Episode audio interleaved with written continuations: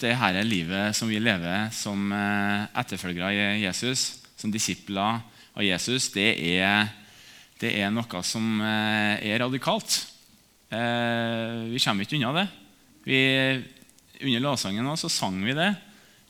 Gud, vi, vi gir deg alt. Vi legger alt ned for deg. Det er på en måte det vi sier til han. Det er, det er veldig sant. Det er ikke et det er ikke et lettvint eh, budskap vi kommer med. Det er et eh, altomfattende budskap. Så det er ikke en sidehobby, men det er livet sjøl. Så det her med at vi snakker sammen om disippelliv og disippelliv i hverdagen, det er kjempeviktig. For det ønsker vi at skal være en, sånn, en skikkelig hovedbjelke, en ryggmarg iblant oss og i menigheten vår. At vi er disipler som lever i hverdagen. Så eh, jeg hørte på, på, Stina sin tale på opptak, eh, på podkast, kanskje. Kan man kalle det det?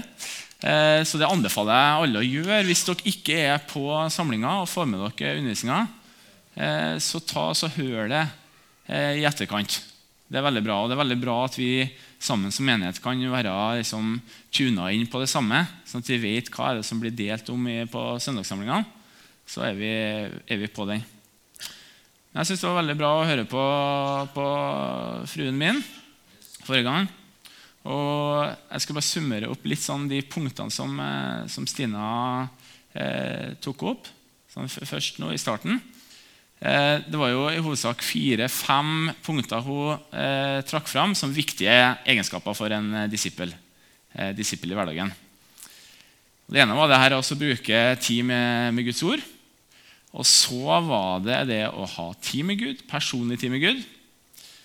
Eh, så kom vi inn med det her med lovprisning, tilbedelse. Bønn ble også trukket fram der. Og så var det fellesskapet og det å trekke innover. Og Så snakka vel også noe om det her med å nå ut. Så det er en del sånn grunnpilarer her. Og Vi snakker jo ofte om de fire b-ene iblant oss, ikke sant? med bønn og Bibel brorskap som representerer fellesskapet, og brødsbrytelse. da. Paktsmåltidet og det, det måltidet som vi deler sammen. Det er viktig for oss. Så det var kjempebra. Og, og, eh, og Stina eh, oppmuntra oss på slutten da, til å ta med oss det her budskapet videre inn i uka. Og tenke over det. Eh, hva betyr det her for, for oss? Eh, og Det har også jeg gjort, og, og, det har også ført til at eh, at det som jeg skulle, hadde egentlig tenkt å snakke om, det blir litt eh, endra i forhold til det som jeg deler om i dag. Men det er fortsatt eh, det handler om disippelliv i hverdagen. Så det som jeg har lyst til å snakke om i dag, det er altså disippelegenskaper, lærdommer vi kan trekke fra livet fra David i Bibelen. Og Da passer det jo bra at vi delte jo fra Salme 23 før i dag. Og eh, Det er så klart veldig mye som du kan trekke ut fra, fra Davids sin, uh, undervisning. eller Da tenker jeg på salmene hans og, og, det som vi leser om han i Bibelen. Så jeg skal ta, ta, trekke ut noe av det, og så skal jeg se på det. da, Hva er det, hva er det David kan lære oss om det å være disippel? Eller hva kan vi se på Davids liv som gjør eh, at vi kan leve et disippelliv i hverdagen? Blir det spennende? Bra. Eh, nå er det faktisk ikke det her så jeg på en, sånne, en video, en apologetikkvideo nå nylig, at det er faktisk ikke så lenge siden at det ble eh, arkeologisk bekrefta at David eh, var en historisk person. Eh, det jeg så nå, det var at I 1998, bare for 20 år siden, så fant de det første funnet der de så at det var en steintavle med inskripsjoner der David ble, Davids navn ble skrevet på. Så det er interessant å ta med seg. Eh, og Det ser vi igjen og igjen at de, her, det vi, de historiske fakta i Bibelen det, det, blir funnet igjen i arkeologien. Selv om det noen ganger kan ta litt tid. Så David var altså en mann som eh, levde i beste velgående. Og han var en mann som var full av lidenskap. Tenk dere, det kommer hjem fra krig. da er det, det er ikke bare å sitte på den hvite hesten, men han var ute der og dansa, og det var ikke noe klær, og det var god stemning når han gikk opp gata der, det var feststemning. Og han, Jeg ser for meg at han der David han ser jeg for meg som en sånn karismatisk type. altså. En som bare våkner opp med det, med rette beinet ut av senga som regel hver dag. Og bare 'Yes, hva har du for, for meg i dag?' 'I dag blir en bra dag.' Litt sånn type. Eh, men, og det, og det syns jeg er litt interessant. Tenk litt gjennom nå når jeg snakker. Hva er egentlig, Når dere skal tenke på David, hva tenker dere om han? Hva er det på en måte, Hvis du skulle ha snakka om David til noen andre, hva ville du ha sagt om han da? Er det utelukkende positive ordlag, eller, eller er det en nyanse der? Eller ja, hva ville du sagt? Bare tenk litt på det. Og så kan dere få en, en recap når vi er ferdige i dag, og se om dere ville ha tenkt det samme. Det er ikke sikkert. Så det er altså tre ting jeg skal trekke ut fra det vi leser om David, eh, som vi skal dra med oss inn i disippellivet. Og Det ene er at en disippel står sammen med andre disipler. En disippel lever i fellesskap med andre. Og så, nummer to En disippel lever et ærlig og åpent liv med Gud og mennesker. Og så er det tredje eh, Dette er også da min betraktning, da, men det er det at en, jeg tror det at en disippel han skal avslutte livet sterkere enn han starta. Det er en progresjon her. Ikke sant? Det er det gir mening. At vi skal ikke ha eh, høyden av livet er i 20-årene når du er barnløs og sånt. Det er en progresjon. Amen? Yeah. Ok. Så, og det, det, er så bra å lese om, om David fordi han, eh, eh han lever et liv som, som, rører ved hjertet mitt. I hvert fall Når jeg leser om David, så det rører ved meg. For han, han eh, snakker om en del nære ting som, eh, som, jeg tror vi skal få fram her i dag. Så Det første jeg har lyst til å bare si, er det at eh, når, det til, når, det kom til utvelgelsen av David som konge den, eh, den, husker vi fra Bibelen. Den skal bare ta noe i korte trekk. Og det var jo det at eh, eh profeten Samuel eh, gikk jo da ut eh, og skulle da velge den neste kongen. og Han hadde fått eh, beskjed hvor han skulle dra hen. Og sånn. Og Han fikk den ene og den andre broren til David framfor seg, men, men, Gud sa til han, nei, det er ikke den han her. Ikke se på det ytre, at han er høy og, og flott. og sånn. Ikke bry deg om det, fordi jeg ser til hjertet. Og det her budskapet det går igjen gjennom hele Bibelen. At Gud er en Gud som ser til hjertet. Og Det er kjempeviktig. Det er kjempeviktig. Så Gud eh, utvalgte David til å være konge. Eh, det står jo det at eh, David var flott å se til, han òg, men det var ikke derfor han ble valgt. Så ser vi videre eh, historien om David og Jonathan. En fantastisk eh, historie. Og det er den, eh, den, første historien vi skal se litt nærmere på sammen. Så Derfor skal vi gå nå til første Samuels bok, kapittel 20 og vers 35. Og Da skal jeg, eh, før jeg starter på der, si eh, et vers fra 1. Samuel 18, der det står det at Jonathan slutta en pakt med David fordi han hadde fått ham så skjær som sitt eget liv. står det i kapittel 18. Så Jonathan og David har altså inngått en pakt med hverandre. Og så er det, eh, er det her da, I 1. Samuel 20 så kommer vi til det at, eh, at, Saul han er ute etter David. Han vil drepe David. Han vil ha han ut av veien fordi han er en trussel for Saul. Og Jonathan, som er i pakt med David, han skal nå ut og advare David om at eh, Saul er, har tenkt å drepe deg. Og da leser vi Neste morgen gikk Jonathan ut på marken til den tid han hadde avtalt med David, og han hadde en liten gutt med seg. Han sa til gutten, 'Spring og finn pilene som jeg skyter.' Mens gutten sprang, skjøt han pila forbi han. Og da gutten kom til det stedet hvor den lå, den pilen Jonathan hadde skutt, ropte Jonathan etter han. 'Ligger ikke eh, pilen bortenfor deg?' Og så ropte han, 'Skynd deg, vær snar, stå ikke der.' Gutten tok opp pilen og kom tilbake til sin herre. Han forsto ingenting. Det var bare Jonathan og David som visste hva dette gjaldt.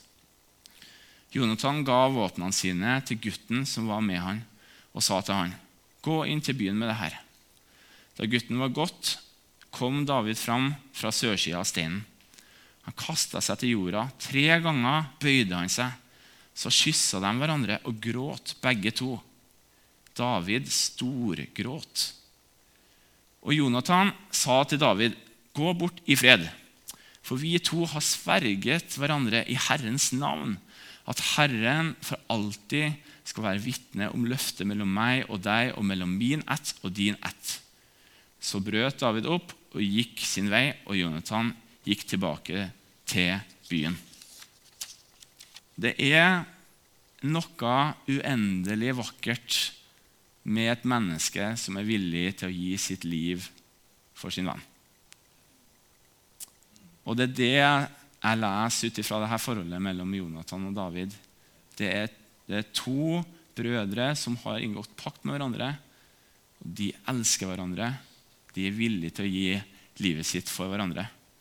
Jonathan han er en privilegert mann. Han er jo sønn av kongen.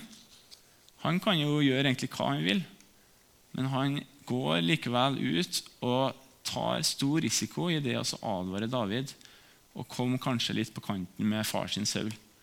Vi så jo tydelig at Saul var jo eh, vi leser også det at Saul var jo og kasta spyd etter Jonathan, så han nesten ble eh, spidda. Så det var tydelig at han var villig til å drepe sønnen sin òg, om det så skulle være. Så det er et, et, et, eh, paktfellesskap mellom to brødre som er bare et sånn forbilde for oss i, vårt, eh, i vår vandring med Gud der vi står sammen som brødre og søstre i en menighet. Og Jesus snakka mye om det her. Om det også eh, Det finnes ingen større kjærlighet enn den som gir, sin, gir sitt liv for sin venn. Og han gjorde jo det sjøl òg. Og så sier han sett de andre høyere enn deg sjøl. Og gjør det du vil at andre skal gjøre mot deg. Gjør det mot eh, de andre. Se på de andre. Stå sammen på den måten. La oss se hva som skjer videre her nå. I eh, 1. Samuels bok, kapittel 23. Du kan slå opp der. Fra vers 14. Nå er jo David ute på, eh, på flukt. Han eh, er jo redd for at Saul skal drepe ham. Så kan vi lese hva, hva som står her. da. Etter det her holdt David til i ørkenen, i fjellborgene. Han slo seg til i fjellet i Siførken. Og Saul lette etter han hele tida, men Gud lot ham ikke falle i hans hender. Mens David var i Horesha i Siførkenen, fikk han vite at Saul var dratt ut for å drepe han. Men Jonathan, Sauls sønn, dro av sted og kom til David i Horesha. Han hjalp ham å hente nytt mot hos Gud. Vær ikke redd, sa han. Du skal ikke falle i hendene på Saul, min far. Du skal bli konge over Israel, og jeg skal være nest etter deg. Også min far Saul vet det. Så sluttet de to pakt med hverandre for Herrens ansikt. David ble i Horesha, men Jonathan for hjem igjen. Så Her er det altså David som er, ørk er i ørkenen og er på flukt. Og så kommer Jonathan til han, hans bror, hans paktsbror, og så sier han 'vær ikke redd'. Han eh, muntrer han opp. Han, eh, han eh, sier 'hva er det Gud har sagt til deg'? Gud har sagt at du skal bli konge. Hold fast på det. Du skal bli det. Ikke vær mismodig. Ikke vær lei deg. Vi står sammen. Vi er, står sammen i et paktfellesskap. Dette skal vi gjøre sammen. Kjempeinteressant, syns jeg, hvordan Jonathan og og David står i dette paktfellesskapet og backer hverandre opp på denne måten. Og det der er et, eh, et forbilde for oss i vår eh, vandring som disipler. La oss eh, sammen, når vi står sammen i fellesskapet, minne hverandre på hva er det Gud har sagt. Hva har Gud sagt til deg? Hva har Gud sagt om ditt liv? Minne hverandre på det. Hjelpe hverandre til å holde blikket festa på hva er det Gud skal gjøre. Hva er det han har lovet for noe? Og så setter vi mot til hverandre. Og Det er det her som kommer av det fellesskapet. Det her får vi ikke av å, av å vandre alene. Det her må vi få i fellesskapet. En disippel må stå sammen med andre disipler. En disippel er avhengig av fellesskap. Det er unntaket at eh, ikke, en disippel ikke skal ha fellesskap. Så jeg eh, har lyst til å oppmuntre eh, dere og meg sjøl til å jobbe med det å ha et sånt disippelfellesskap. Vi trenger også å stå sammen om det, eh, alle de her punktene som Stina eh, snakka om i forrige, forrige, samling. Vi trenger å stå sammen om det å bli minnet på det å lese i Guds ord. Stå sammen om det å bruke tid med Gud. Stå sammen i det å tilbe Han. Nå ut vi trenger også å hjelpe hverandre til det. Vi trenger også å spørre hverandre spørsmål. Hvordan går det med, med, din bibellesning? Og Det er ikke et spørsmål for å komme med fordømmelse til den andre. Fordi det er en ærlig sak. Nei, nå har ikke jeg lest i Bibelen. Det er en ærlig sak. Men denne backinga fra søsken den gjør at vi eh, strekker oss mot der vi faktisk har lyst til å være. For Det er det vi står sammen om. Vi som disipler vi vil følge Jesus, og vi vil bruke tid med han. Må vi, det må vi hjelpe hverandre til å gjøre. Så Det tror jeg er noe vi skal bare ta med oss eh, videre fra i dag og framover og ha litt fokus på i gruppene og når vi er sammen. At vi eh, finner en måte hvordan vi kan leve sammen eh, med oss og backe hverandre på denne, på denne måten.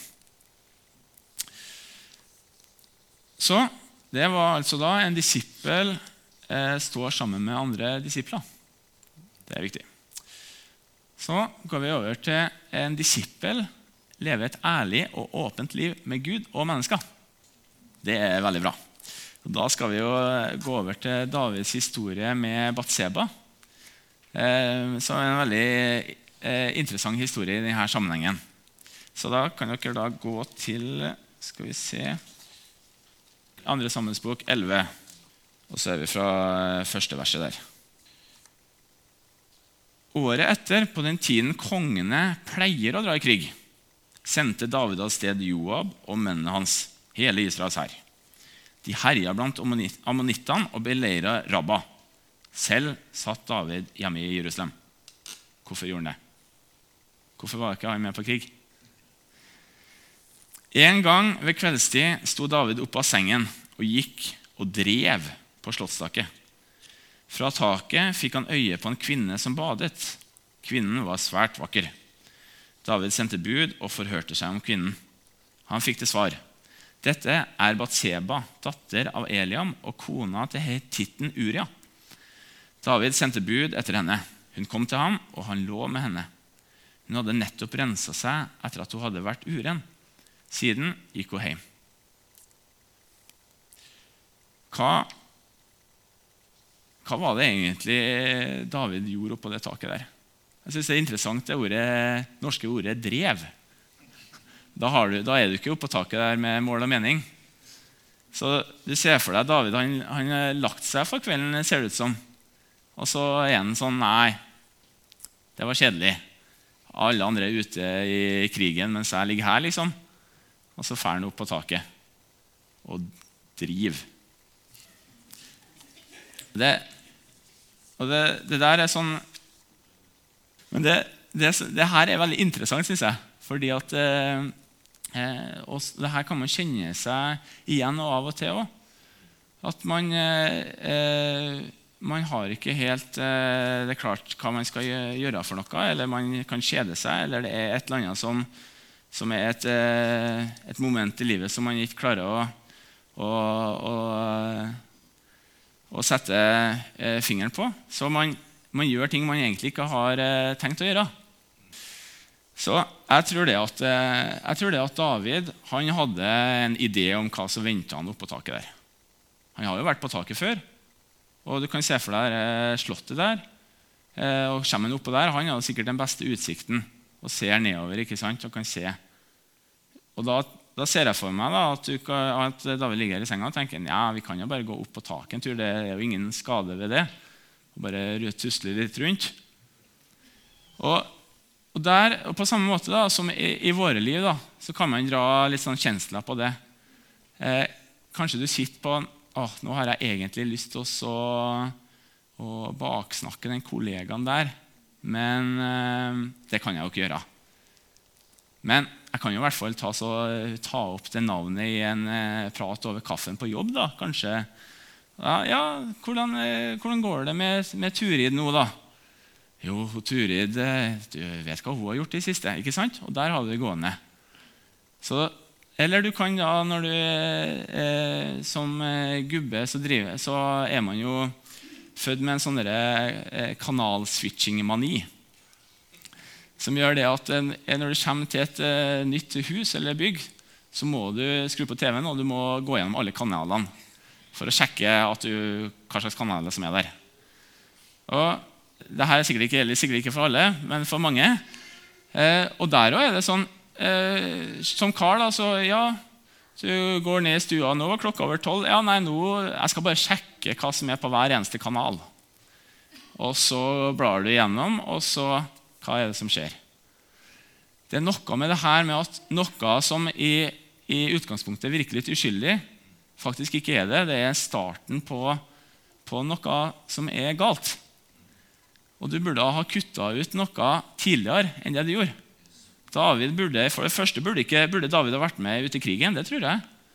Og for det andre så burde ikke David ha gått opp på taket der på kvelden der, hvis han Vet at folk, eh, vakre damer driver og vasker seg rundt omkring på takene?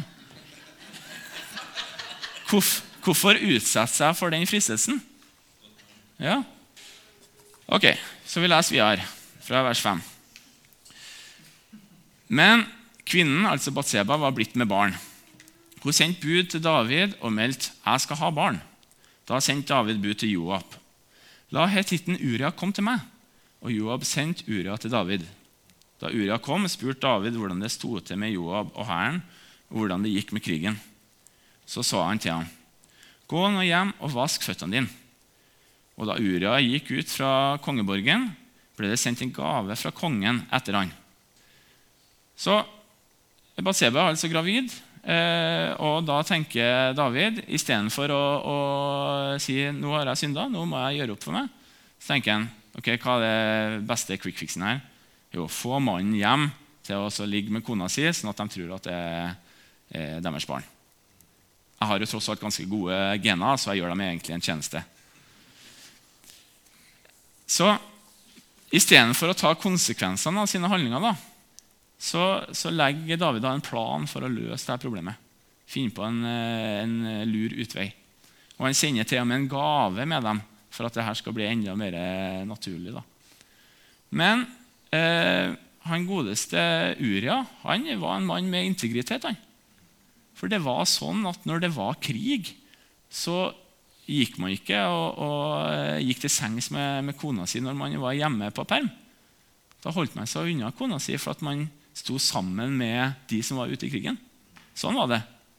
Så Derfor så vil ikke Uria gå hjem og, så, og ligge med kona si. Så, og det ser vi her da. Men Uria la seg i porten til kongeborgen sammen med alle kongens tjenere. Han gikk ikke hjem. Da David fikk vite at Uria ikke hadde gått hjem, sa han til ham, 'Har du ikke vært på reise? Hvorfor drar du ikke hjem?' Uria svarte David, 'Både israelittene og judeeren og eh, paktkisten med bor i hytta.' 'Joab, herren min, og kongens menn ligger i leir ute på åpen mark.' skulle da jeg gå hjem, spise og drikke og ligge med min kone?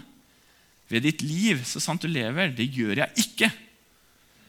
Da sa David til Uria, bli her i dag også, så i morgen så sender jeg deg av sted igjen. Så ble Uria i Jerusalem den dagen og dagen etter.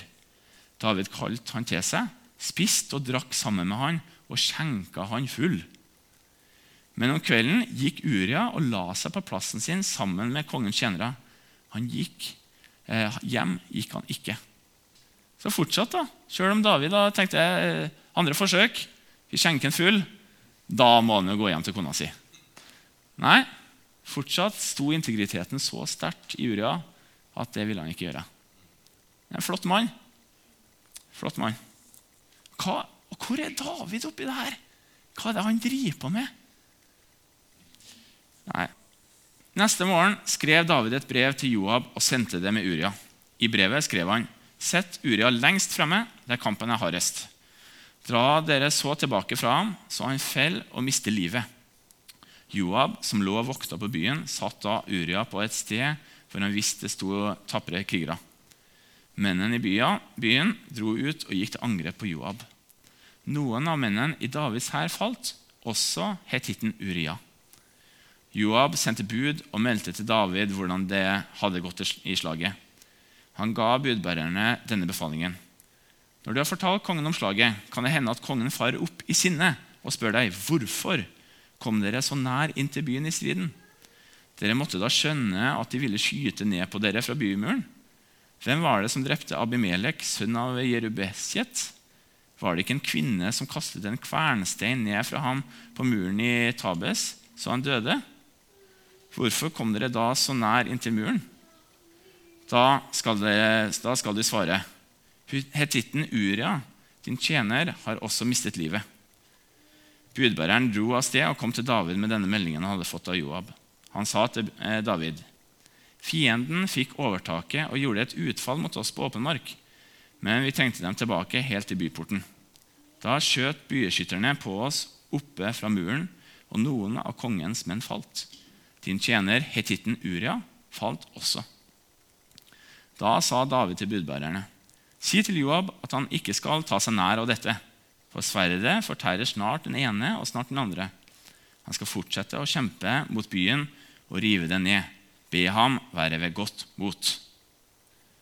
Så her har det egentlig gått litt dårlig i krigen, og de kommer egentlig tilbake med et dårlig budskap. Men det David bryr seg om, det er det at Uria er død. Problemet hans er borte. Mens eh, det at det er så mange som har dødd, det var ikke så viktig. Nå er det tydelig at David er fornøyd. Han. Problemet er løst. Da Urias kone fikk høre at hennes mann var falt, holdt hun sørgetid over han. Men da sørgetiden var over, sendte David bud og henta hun hjem til seg. Hun ble hans kone og fødte han en sønn. Men det David hadde gjort, var ondt i Herrens øyne. Videre leser vi det i neste kapittel. Herren sendte Nathan, profeten Natan, altså, til David. Han gikk inn til kongen og sa.: Det bodde to menn i en by. Den ene var rik, og den andre fattig. Den rike hadde småfe og storfe i mengde. Den fattige eide ikke annet enn et eneste lite lam som han hadde kjøpt. Han alte det opp, og det vokste til sammen med barna hans. Det spiste av brødet hans, drakk av begeret hans og lå i fanget hans. Det var som en datter for ham. En dag kom det en vandringsmann til den rike, men han kvidde seg for å ta noe av sitt eget småfe eller storfe for å lage i stand for gjestene. Han tok lammet som den fattige eide, og laget det til for mannen som var kommet. Da ble David brennende harm på mannen og sa til Nathan.: Så sant Herren lever, den mannen som har gjort dette, fortjener å dø. Og han skal betale firedobbelt for lammet fordi han gjorde dette og var så hjerteløs. Da sa Nathan til David, 'Du er mannen.' Så sier Herren, Israels Gud, 'Jeg salva deg til konge over Israel og berga deg fra Sauls hånd.' 'Og jeg ga deg din Herrens hus og hans kone i din favn.' 'Jeg ga deg både Israels hus og Judas hus.' Og om det var for lite, ville jeg ha lagt til både det ene og det andre. Hvorfor har du da forakta Herrens ord og gjort det som er ondt i hans øyne? Hetitten Uria har du drept med sverd. Du lot ammonittene drepe ham, og du tok hans kone og giftet deg med henne. Fra nå av skal sverdet aldri vike fra ditt hus, siden du har foraktet meg og tatt hetitten Urias kone. Så sier Herren, se, jeg lar ulykke komme over deg fra ditt eget hus. Jeg vil ta konene dine like for øynene på deg og gi dem til en annen mann. Han skal ligge med dem på lyse dagen. For du har handlet i det skjulte, men jeg vil la dette skje for øynene på hele Israel midt på lyse dagen. Da sa David til Nathan, Jeg har syndet mot Herren. Noe som er kanskje the understatement of the year. For det var jo Han hadde syndet mot Herren. Og eh, Hva mer kunne David egentlig si? Han kunne jo begynt å unnskylde seg. Men heldigvis så er, er jo eh, David i bunn og grunn en mann etter Guds hjerte. Så når han blir konfrontert med hva er det Gud sier her, så sier han 'Jeg har synda mot Herren'. Han innser det. Men han hadde utallige sjanser tidligere til å, å, stoppe opp og gjøre noe med det. Han måtte vente helt til det ble sendt en profet for å gi ham det budskapet. Og konsekvensene av det var enorme. Nathan svarte, 'Så har også Herren tatt bort din synd. Du skal ikke dø.' Men fordi du gjorde dette og forakta Herrens ord, skal han dø, sønnen du har fått. Så gikk Nathan hjem. Så Gud er barmhjertig. Han tilgir David for det han har gjort. Han tilgir syndene hans. Men konsekvensene av handlingene som, eh, som, David gjorde, det skal han få kjenne smertene av for resten av livet. Det er jo et par salmer som eh, David har skrevet i etterkant av denne hendelsen. her, Bl.a. Salme 51. Og salme 51 er en kjempeflott salme. Eh, der, eh, og Det syns jeg er litt interessant å, å, å lese den salmen, for dette her skriver David det. Ta ikke din hellige ånd fra meg. Han har sett det har skjedd før. Han har sett at det skjedde med Saul. At Den hellige ånd for fra ham. Og Et av de hjertesukkene til David Ta ikke Den hellige ånd fra meg.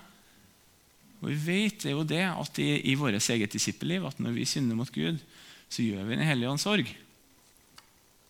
Videre så sier, sier, sier David i den salva at Gi meg tilbake gleden av frelsen.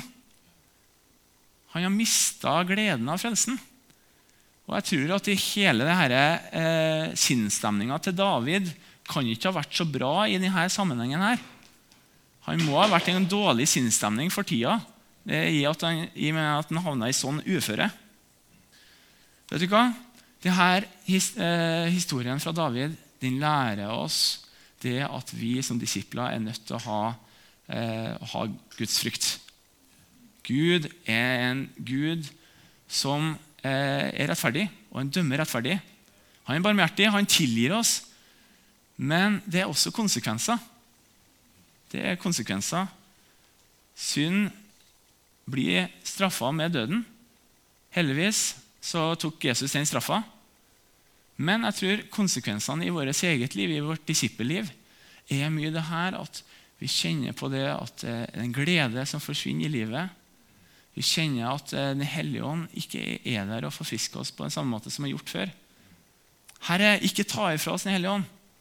Herre, la oss få bevare den gleden og den frelsen som du har gitt oss. Så Derfor er det viktig at vi som disipler vi kjenner våre styrker og svakheter.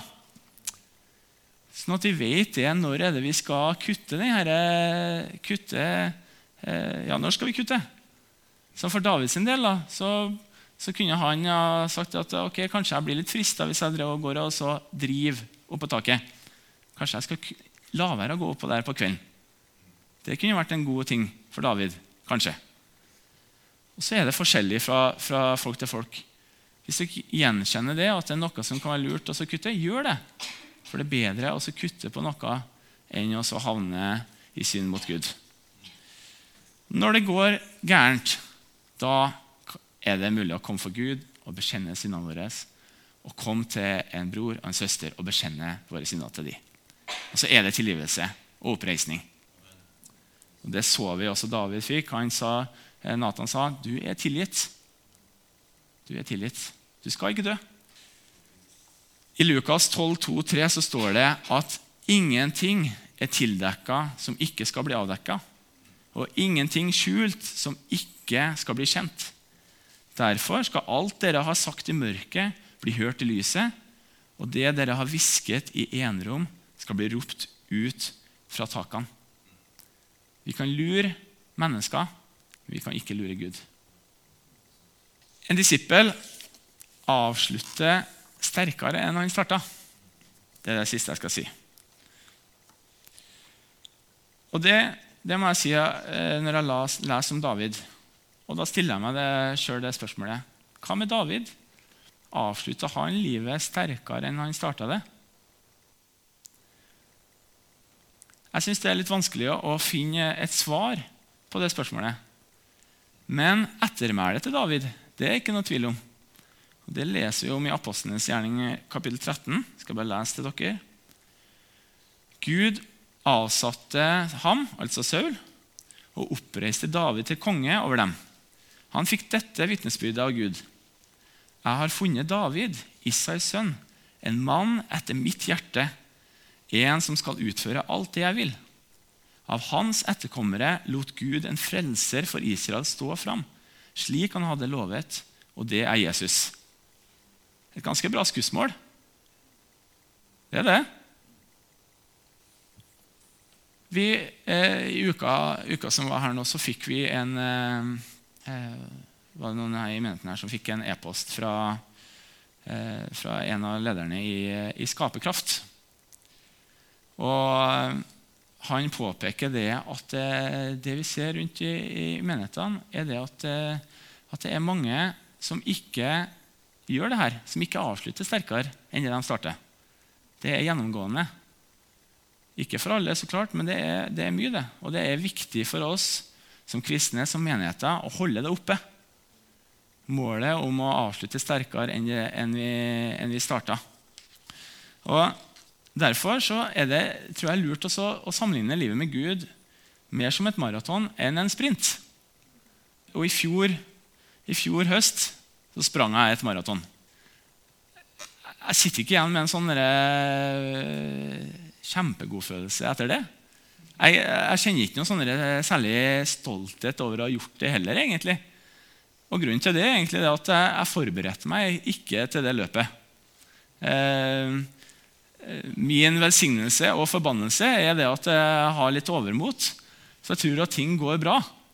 Så, eh, så, Derfor så meldte jeg på maraton og sprang det uten å ha egentlig forberedt meg til det. Og da gikk det som det måtte gå. at når jeg var kommet halvveis, så var egentlig beina mine ferdig. Men siden jeg hadde meldt meg på, og eh, sånn, så måtte jeg jo fullføre. Eh, jeg måtte jo ikke, men jeg valgte å gjøre det. Og når jeg så på tidene mine i ettertid, jeg avslutta ikke sterkere enn jeg starta. Jeg avslutta veldig mye svakere, faktisk. Og, eh, og, det, og jeg tenkte på det ikke mye, men jeg tenkte på det i ettertid. at eh, Hva skulle man gjort da? Hva skulle man gjort annerledes? Jo, man skulle jo ha forberedt seg til dette løpet. Og underveis, når man er i løpet, så skulle man jo vært smart og gjort riktige valg. Jeg skulle ha stoppa opp eh, med man, vann- og matstoppet og spist litt mat og fått i meg litt næring. Jeg skulle gjort det hele tida, sjøl når jeg ikke var sliten. De første rundene. Jeg skulle stoppa da òg og gjort det. Ikke bare hasta videre for at jeg følte jeg var i god, godt slag. For at når jeg kom på runde tre, så fikk jeg det skikkelig. Og det, og det her eh, syns jeg er et veldig godt bilde på, på, på livet som en disippel. Vi er nødt til å være smarte i, i hvordan vi, vi, springer vårt løp. Vi er nødt til å eh, legge opp et løp som gjør at vi, vi, står til slutten. Vi skal ikke være noen sånne fem år nå, så boom! Ikke sant? Vi skal ikke være fem år, og så klarer vi ikke å holde på med det for at det ble for, ble for mye, f.eks. I 1. Korinterbrev kapittel 9, eh, vers 24, så leser vi om det her, hva Paulus eh, sier kapittel 9, vers 24. Vet dere ikke at på stadion deltar alle i løpet, men bare én får seiersprisen? Løp da, slik at dere vinner den. Alle som deltar i kamplekene, må nekte seg alt. De gjør det for å vinne en seierskrans som visner. Vi for å vinne en som aldri visner. Jeg løper derfor ikke uten å ha et mål er heller ikke en like nevekjemper som slår i løse luften.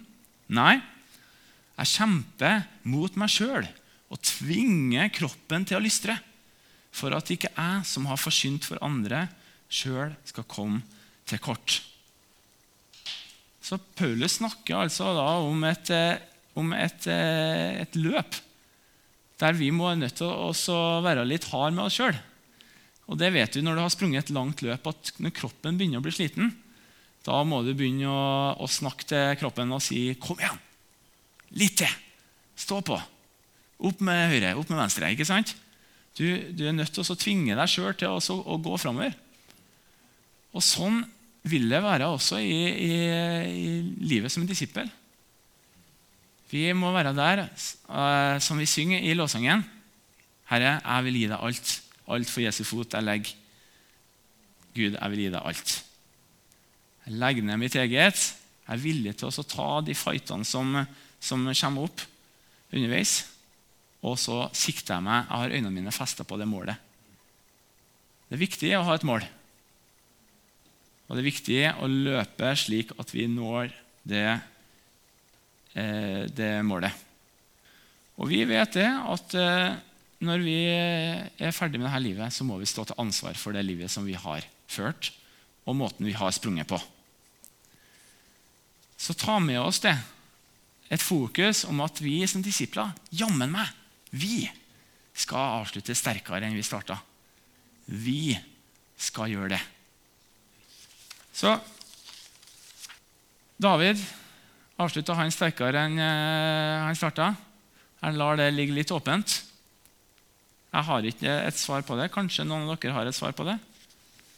Men livet hans var et liv eh, prega av uh, kjærlighet til Gud. Han var en mann som elska Gud. Han elska stort og synda stort. Og han er en, han er en fantastisk eh, eh, læremester for oss. Gir oss veldig mye. Så Jeg er takknemlig for det, det som, at eh, han levde, og at eh, vi kan lese om han fra Guds ord. Så en, en disippel han står sammen med andre disipler. Det var nummer én.